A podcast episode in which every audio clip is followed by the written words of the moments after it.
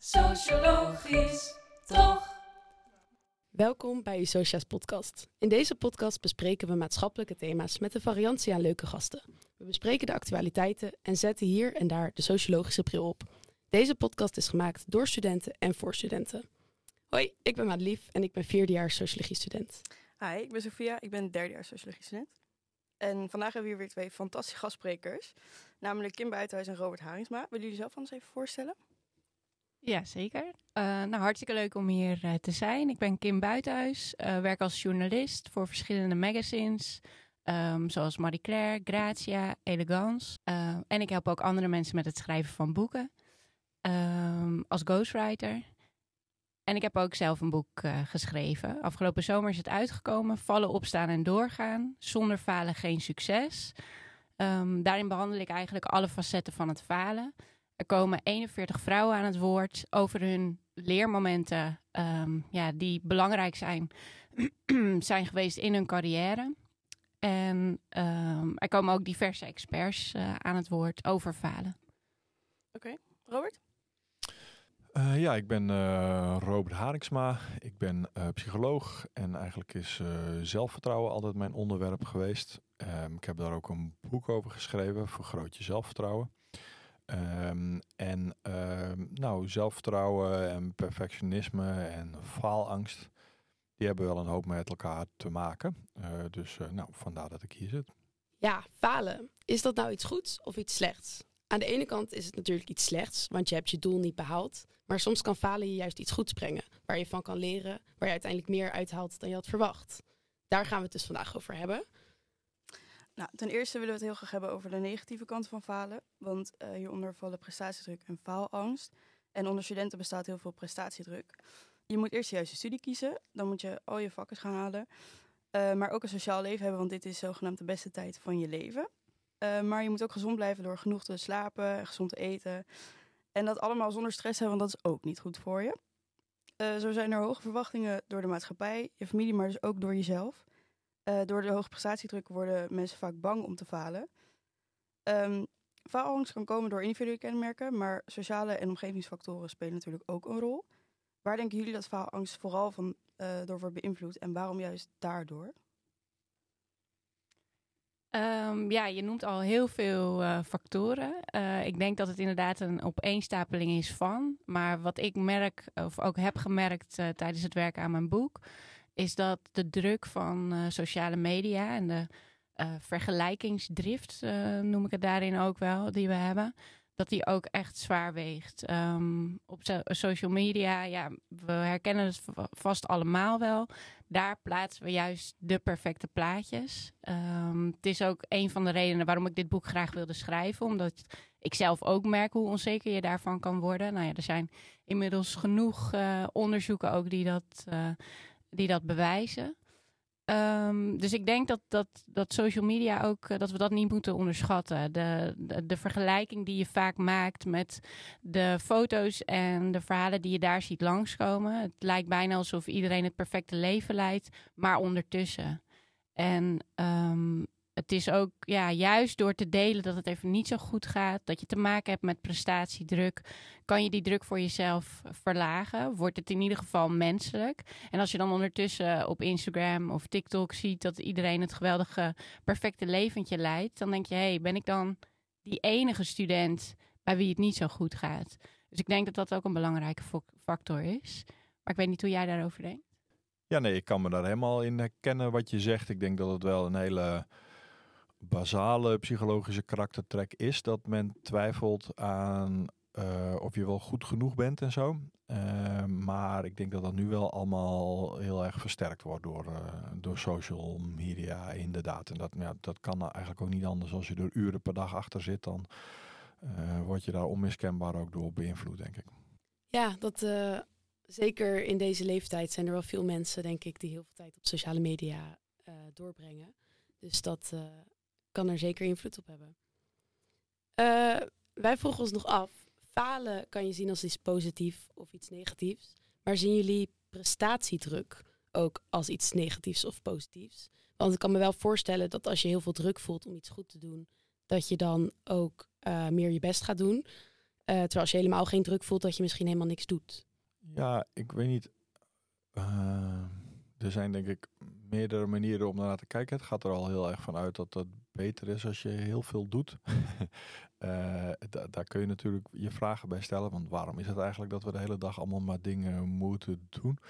Um, en ik, ik ben ervan overtuigd dat uh, de mensen die het best presteren, dingen gewoon doen omdat ze er heel veel aardigheid in hebben en om heel veel plezier in hebben en het heel graag goed willen doen en niet uit een soort van angst om het niet verkeerd te doen.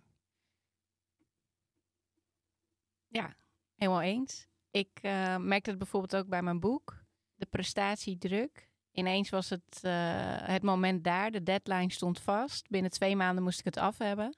De uitgever die had gezegd dat red je toch wel, Kim? Want je hebt de vrouw al gesproken. Ja, zei ik toen.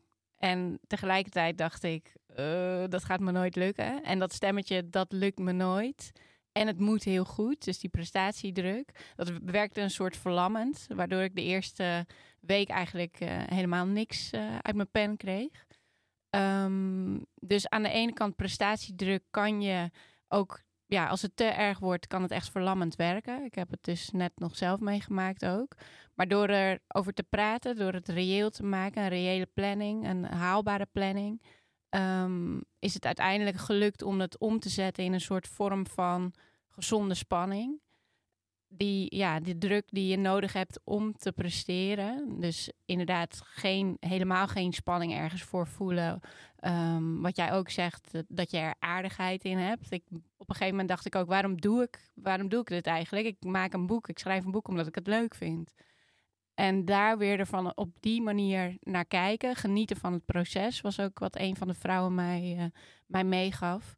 En um, ja, dat vind ik wel echt een mooie manier ook om dat vooral ook te zien. Op een gegeven moment wordt die prestatiedruk zo hoog dat je soort vergeet ook waarom je het eigenlijk doet. En uh, uh, ja, dat werkt, dat werkt niet mee. Je hebt eigenlijk mijn volgende vraag al helemaal beantwoord. Dat was, uh, hoe neem je je prestatiedruk dan weg? Maar dan ook de vraag aan jou, Robert, hoe neem je dat weg? Maar niet alleen bij jezelf, maar ook bij een ander. Ja, nou, ik, fundamenteel kan het niet. je kunt eh, gelukkig zit de psychologie niet zo in elkaar dat je soort van in, in de anders hoofd kan om daar iets uit te halen. Maar je kunt een ander natuurlijk wel helpen. En dat doe je denk ik op dezelfde manier als je jezelf ook helpt. En nou, ik ben het helemaal uh, met de tips eens die net voorbij uh, kwamen. En ja, ik denk ook wel dat er uiteindelijk willen je er wel naartoe dat er een fundamenteel andere kijk naar presteren komt. Hè? Dus dat je niet meer steeds denkt van, oh jee, als er iets verkeerd gaat, nou dan uh, ben ik vreselijk de pien en een neut en dat is echt verschrikkelijk. Maar dat je daar nou, toch ook iets meer ontspannen toe kunt verhouden en dat je ook oké kunt zijn als er een keertje niet zo goed gepresteerd wordt. Uh, nou ja, en hoe je dat doet, ik weet niet hoeveel uur deze po po po podcast duurt en we gaan het er ongetwijfeld nog wel over hebben, maar ja, dat is wel een, dat is de hamvraag zou ik bijna zeggen. Um, zien jullie in jullie ervaring een stijging of een daling in faalangst en gerelateerde problemen? Want jullie hadden het natuurlijk over sociale media, dat is meer opgekomen natuurlijk de laatste paar jaar. Um, maar in de mensen met wie jullie spreken, denken jullie dan ook van, oh, daar is dus ook een stijging van faalangst te zien? Of dat dan weer niet? Het is een typische journalistiek vraag. Uh, maar ook als je fulltime als psycholoog werkt, wat ik niet doe, dan, uh, ja, dan zie je misschien een cliënt of 40 of zo. Ja, daar kun je niet echt grote conclusies uittrekken over hoe het met de hele populatie gaat. Uh, dus ik denk eigenlijk dat jij daar een beter antwoord over hebt dan ik. Uh, nou, op de weg hier naartoe heb ik eventjes wat onderzoekjes geraadpleegd en zag ik dat het dan in de zin van onder studenten, um, maar daar weten jullie zelf uh, natuurlijk alles van, dat het wel echt uh, is gestegen. Uh, ik las onder andere een onderzoekje met percentages als 70% van de studenten die ervaart prestatiedruk. wat zich uit kan monden in burn-out, faalangst, meer van dat soort gezellige termen. Um, wat ik heb gemerkt tijdens het schrijven aan mijn boek is dat wat me opviel, um, dat veel vrouwen die eigenlijk voor de buitenwereld succesvol lijken, dat ze eigenlijk um, nou ja, bijna allemaal wel te maken hebben gehad met faalangst. En vroeger, en soms nog steeds wel, en iets wat ik zelf ook merk. En dat zij er vooral eigenlijk door te merken dat het wel lukt. Ehm, dat ze daar overheen zijn gegroeid als wij, bij wijze van. En vooral ook door het bespreekbaar uh, te maken, waardoor je de lat voor jezelf verlaagt. En um, nou ja, een heel belangrijk punt, het gevoel wat ik ook kreeg door mijn boek van je bent niet de enige. Je hebt niet als enige hier last van, wat, ja, wat gewoon heel erg helpt. Ook het gevoel van je bent niet de enige die het wel eens, plat gezegd, verkloot, een misser maakt. Um, er zijn ook een aantal vrouwen die ik sprak die helemaal niet in falen geloven. En dat waren vaak ook de ondernemers. Uh, die merken gewoon, ja, we hebben een bepaald pad uitgestippeld. En 9 van de 10 keer gaat het gewoon niet zoals we denken dat het zou gaan. Uh, het is een kwestie van verwachtingen bijstellen, creatief in oplossingen denken. En dan gaan we weer verder. En vaak brengen de momenten die anders gaan dan verwacht, juist hele mooie dingen met zich mee. En soms ook niet. En dat is dan ook een les, want dan weet je in ieder geval dat je het niet zo moet doen. Um, dit zijn hele positieve kanten natuurlijk. Ja, ik um, maak alvast een bruggetje. Nee, prima. um, maar uh, hoe kunnen prestatiedruk en faalangst verder nog effect hebben op iemands mentale gezondheid? Misschien een mooie vraag voor Robert. Ja, wat we het meest zien is dat mensen een soort van uh, moe worden. Burn-out hoeft niet altijd te zijn, maar wel een soort van uitgeput om steeds meer weer te presteren, te presteren, te presteren. Um, vaak ook angst om überhaupt iets te gaan doen. Dus dat je ja, dat het toch niet helemaal uitkomt wat er misschien wel in zit. Um, ja, en, en um, een soort hele fundamentele twijfel van ben ik wel oké als, ik, als dingen niet altijd helemaal perfect goed gaan. Hè? Dat is de, ja, dat, dat heeft denk ik een beetje iets van depressieklachten. Uh, het idee van, ja, als er dingen niet goed gaan, dan betekent dat dus dat ik niet goed genoeg ben. Hè? Dat is denk ik wel de fundamentele overtuiging die er speelt bij uh, mensen die last van faalangst hebben. Um, ja, en dat, dat kan je een heel vervelend gevoel over jezelf geven. Nou, dus dat is denk ik een goede, goede opzomming van wat er zo al speelt bij mensen die last van faalangst hebben. Um, ja, we hebben het net eens gehad over prestatiedruk en faalangst. Um, en dat mensen dus uh, de angst voelen om überhaupt te falen. Maar wie niet faalt, kan niet opstaan, zoals het mooi gezegd gaat. Um, meestal ben je niet zo blij als je hebt gefaald. Je had natuurlijk gehoopt dat het wel zou lukken. Dat je wel de baan zou krijgen, het vak zou halen, de sportwedstrijd zou winnen. Of dat je nieuwe recept goed uit de oven zou komen en niet helemaal verbrand. Maar zit hier ook een goede kant aan? Kan je leren van je fouten? Uh, Kim, wat vind jij hiervan? Je hebt er natuurlijk een boek over geschreven. Ja, ik heb net al een klein uh, beetje verklapt wat ik ervan vind. Um, maar zeker dat er goede kanten uh, aan zitten. En dan moet ik meteen een side note maken dat je niet dat je uitkijkt voor toxic positivity. Dus dat overal achter ieder faalmoment een les moet zitten. Want hallo, prestatiedruk, daar zijn we weer. Um, maar ja, ik, um, de reden dat ik dit boek uh, wilde schrijven was ook eigenlijk door de jaren heen heb ik dus um, nou ja, veel succesvolle vrouwen mogen spreken. En eigenlijk vond ik het meest interessante de momenten waarover zij vertelden dat het niet zo goed ging. Uh, dat het voor hun gevoel fout ging, de mist in ging. Of hoe ze het ook uh, noemden. Um, toen bedacht ik, daar wil ik ja, wel de nadruk of de spotlights op leggen. En dan vooral ook met experts erbij zodat je daarvan uh, kan leren en niet alleen door geïnspireerd wordt.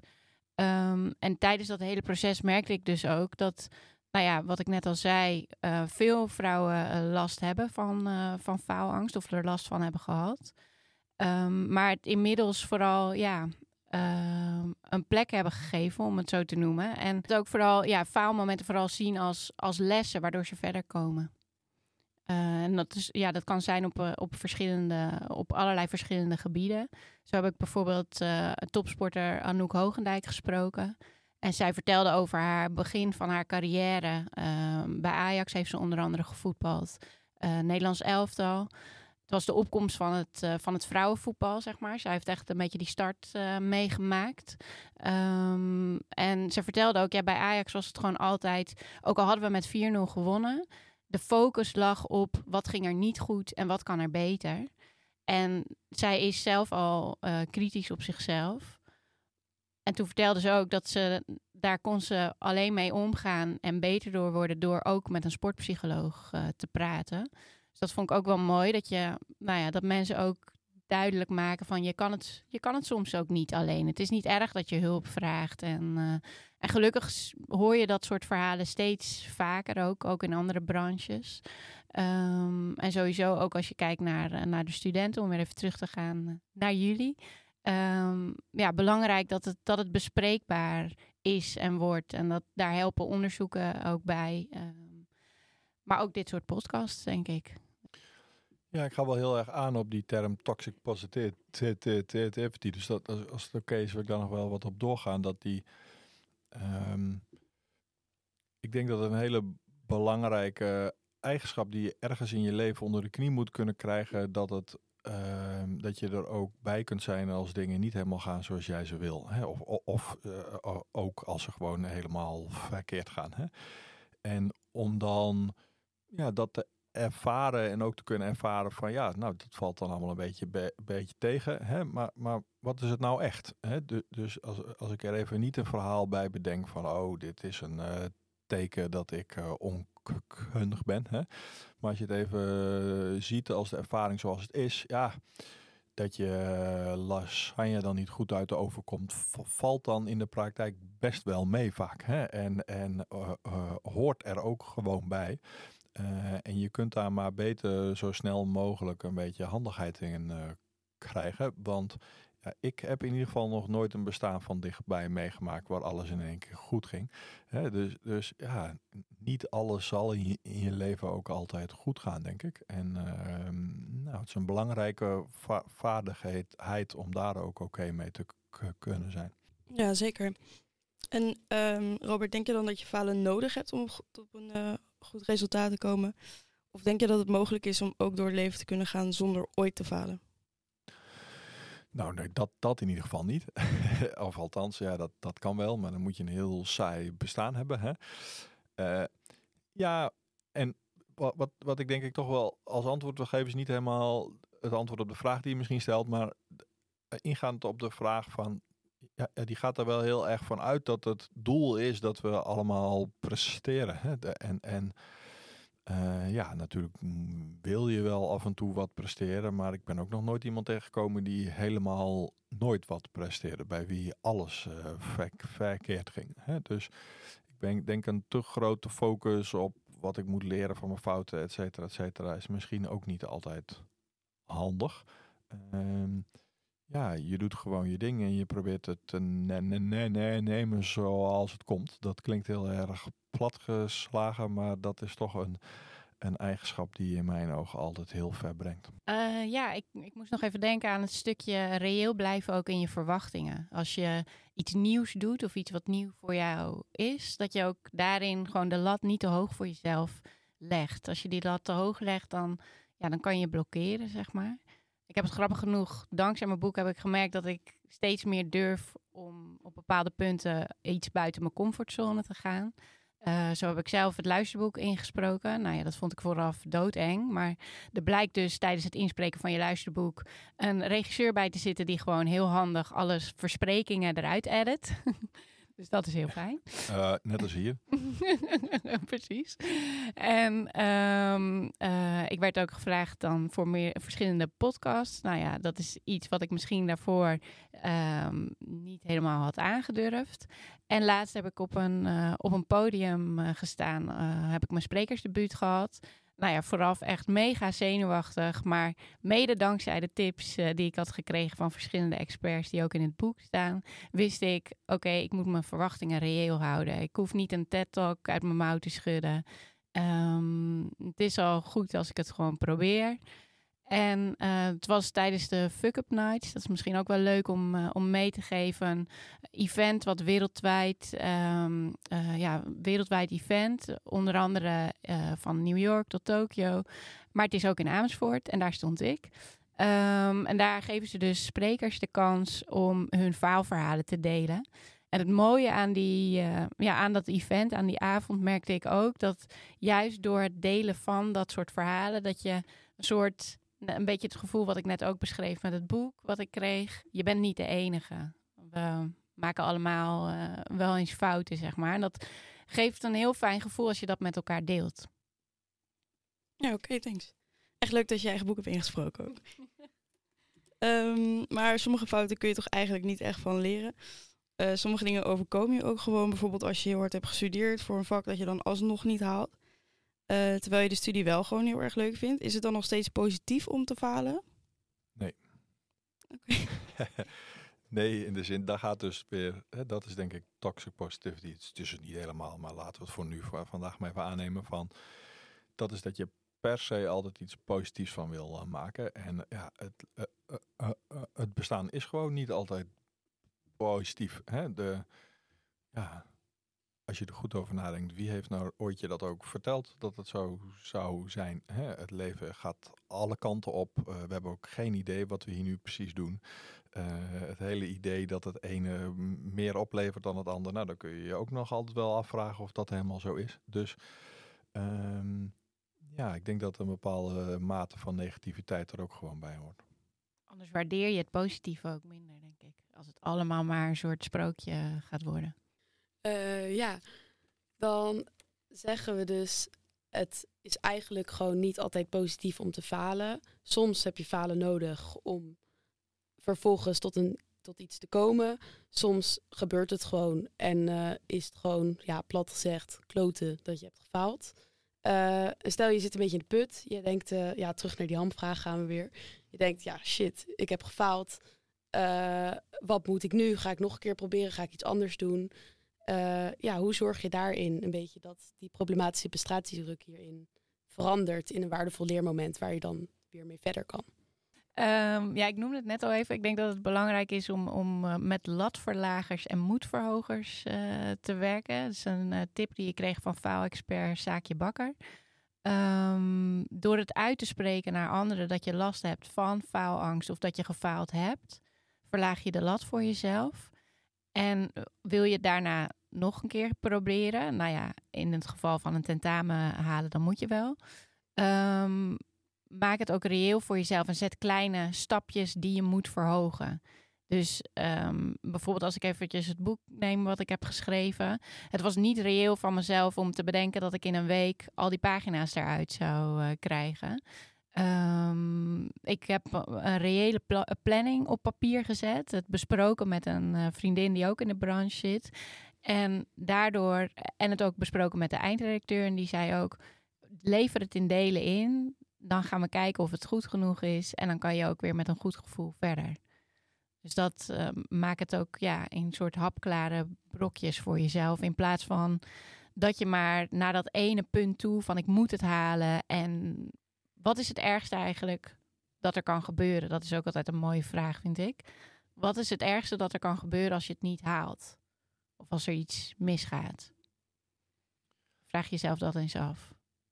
Ja, en ik denk dat je vooral erg voor uh, self-handicapping op moet uh, passen, zoals dat in de literatuur heet.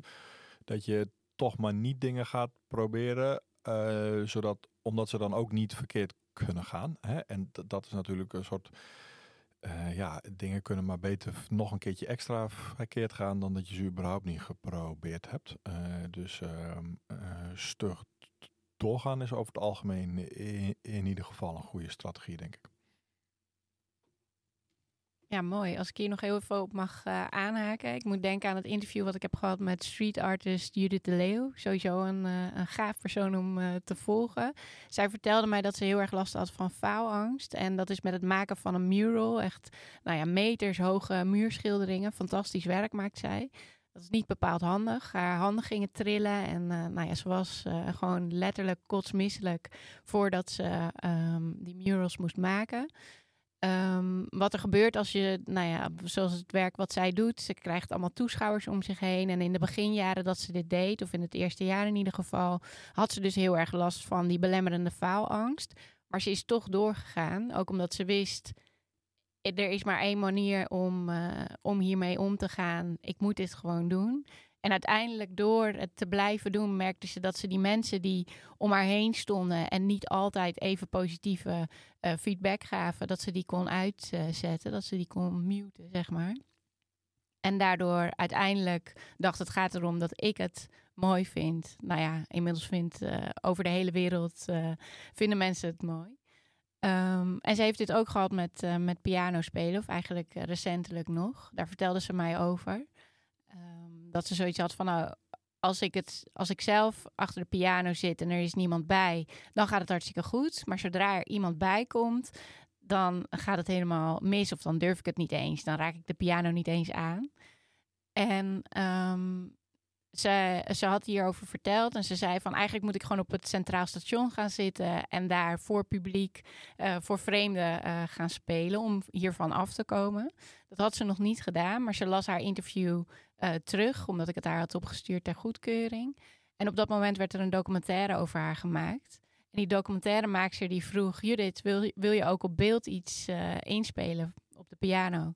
En toen dacht ze, ja, fuck it, ik doe het gewoon ja, zo stoer. Dat, dat zijn mooie momenten, zeg maar ook, dat je voor jezelf denkt, ik doe het. En dan hoeft het niet in één keer perfect te zijn, maar wel, het geeft echt een zelfvertrouwen boost als je verder gaat. En niet denkt, oh, het is één keer misgegaan, dan doe ik het maar helemaal nooit meer. Ja, dus daarin heb je ook heel erg die leren dat het oké is als iets misgaat voor jezelf, maar ook dat het oké is dat andere mensen zien dat jij eigenlijk iets fout doet dan.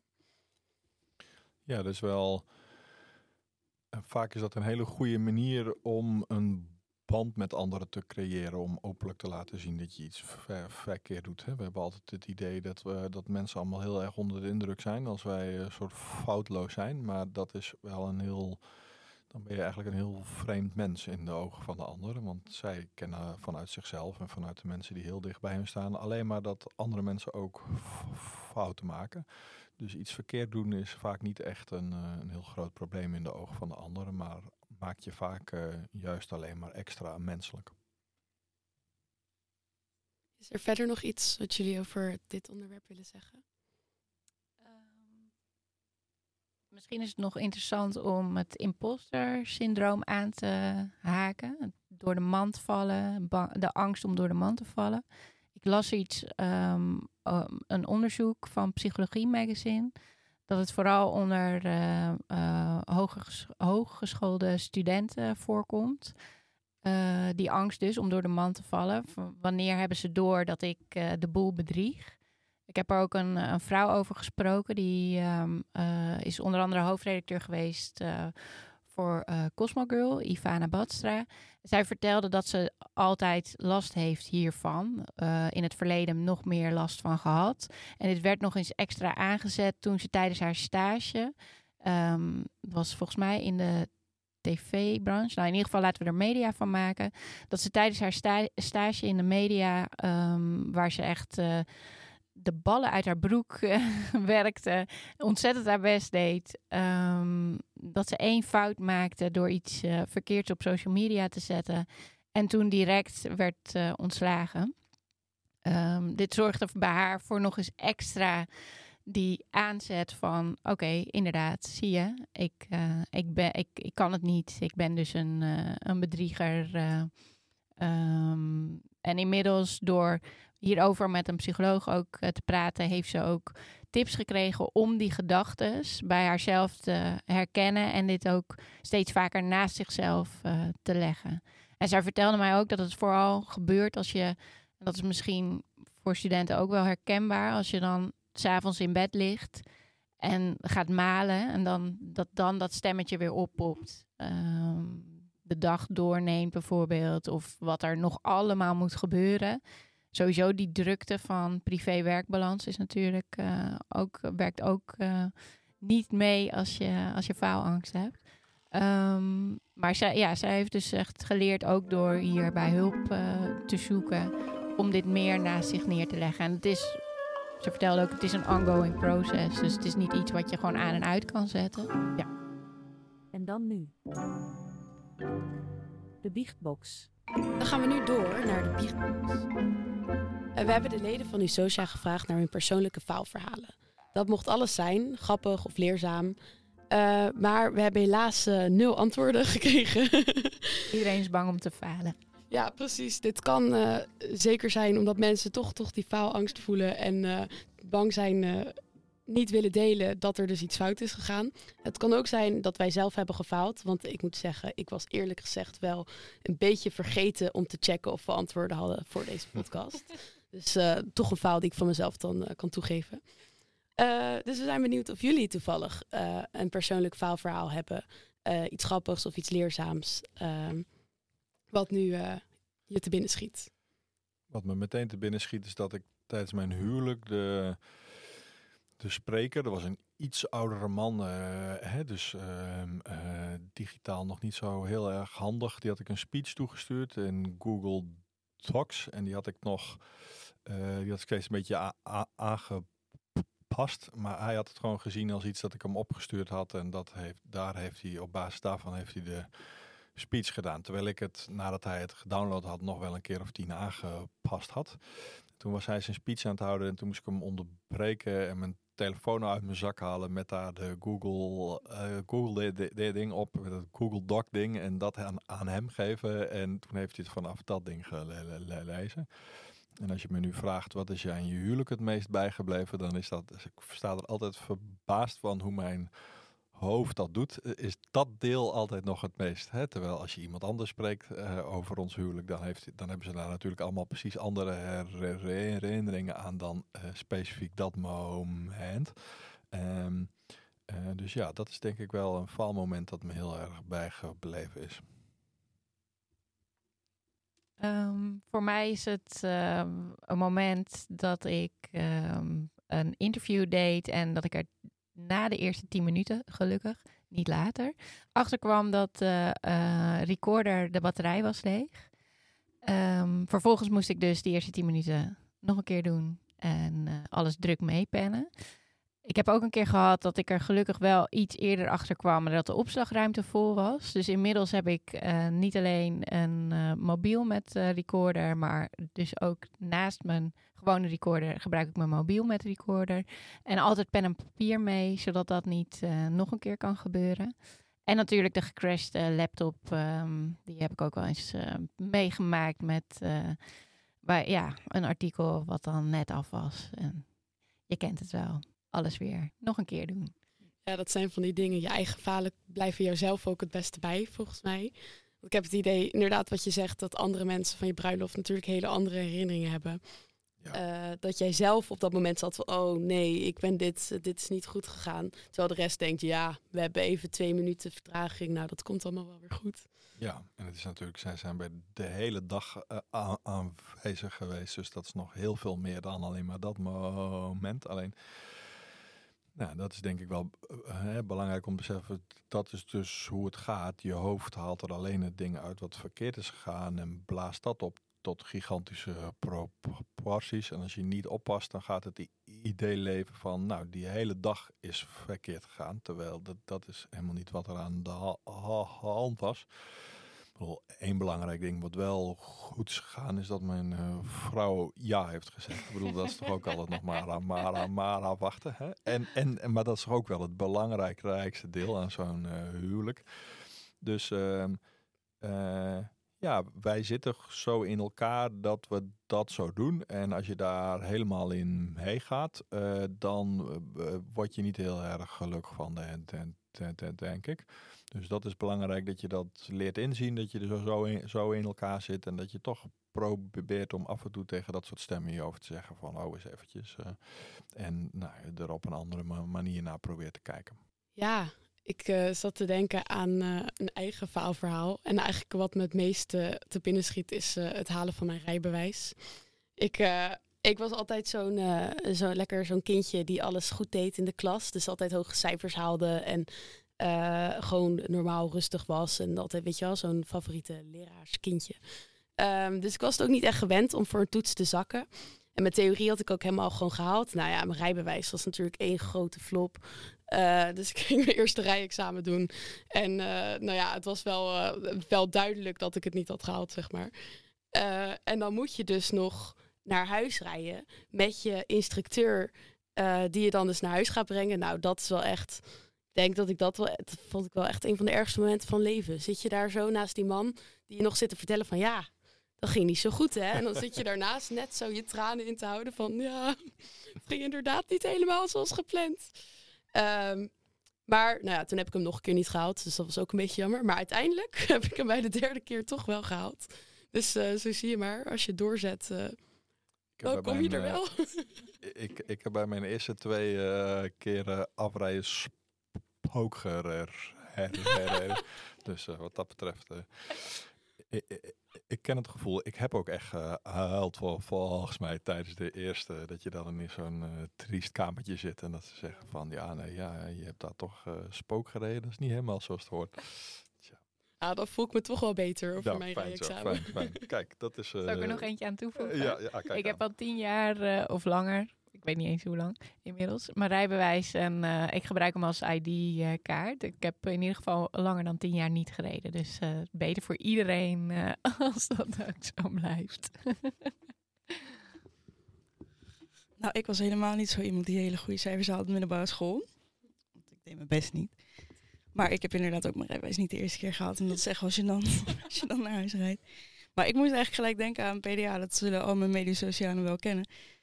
Dat is echt kut. En eh, ik denk niet dat ik het heb gehaald. Maar dat was niet mijn fout, vind ik. Want mijn SP6 die ligt er al twee maanden uit of zo. Dus eigenlijk vind ik dat een soort falen door onmacht. Wat vind jij? Nou, ik heb jou anders ook niet bij de studiegroep gezien hoor, Sophia. Dus eh, ik weet niet of het helemaal aan je computer ligt dat je dit... eh, Ja. Ja. ik heb hier geen toevoegingen meer verder aan. nou, dit was alweer de tweede aflevering van Sociologisch Toch. Ehm, met Kim en Robert. Dank jullie wel voor het komen en het delen van jullie expertise aan dit onderwerp. Eh, aan jullie luisteraars allemaal super bedankt voor het luisteren naar deze aflevering. Hebben jullie nou een onderwerp dat je graag besproken wil hebben in onze podcast? Stuur dan vooral een DM naar onze Instagram, redactieusocia. Volg je de Instagram nou nog niet? Doe dat dan snel, want hier posten we alle updates omtrent de Biechtbox. Hopelijk krijg je volgende keer wat meer antwoorden. En alle nieuwe afleveringen die eraan gaan komen. Tot de volgende! Sociologisch, toch?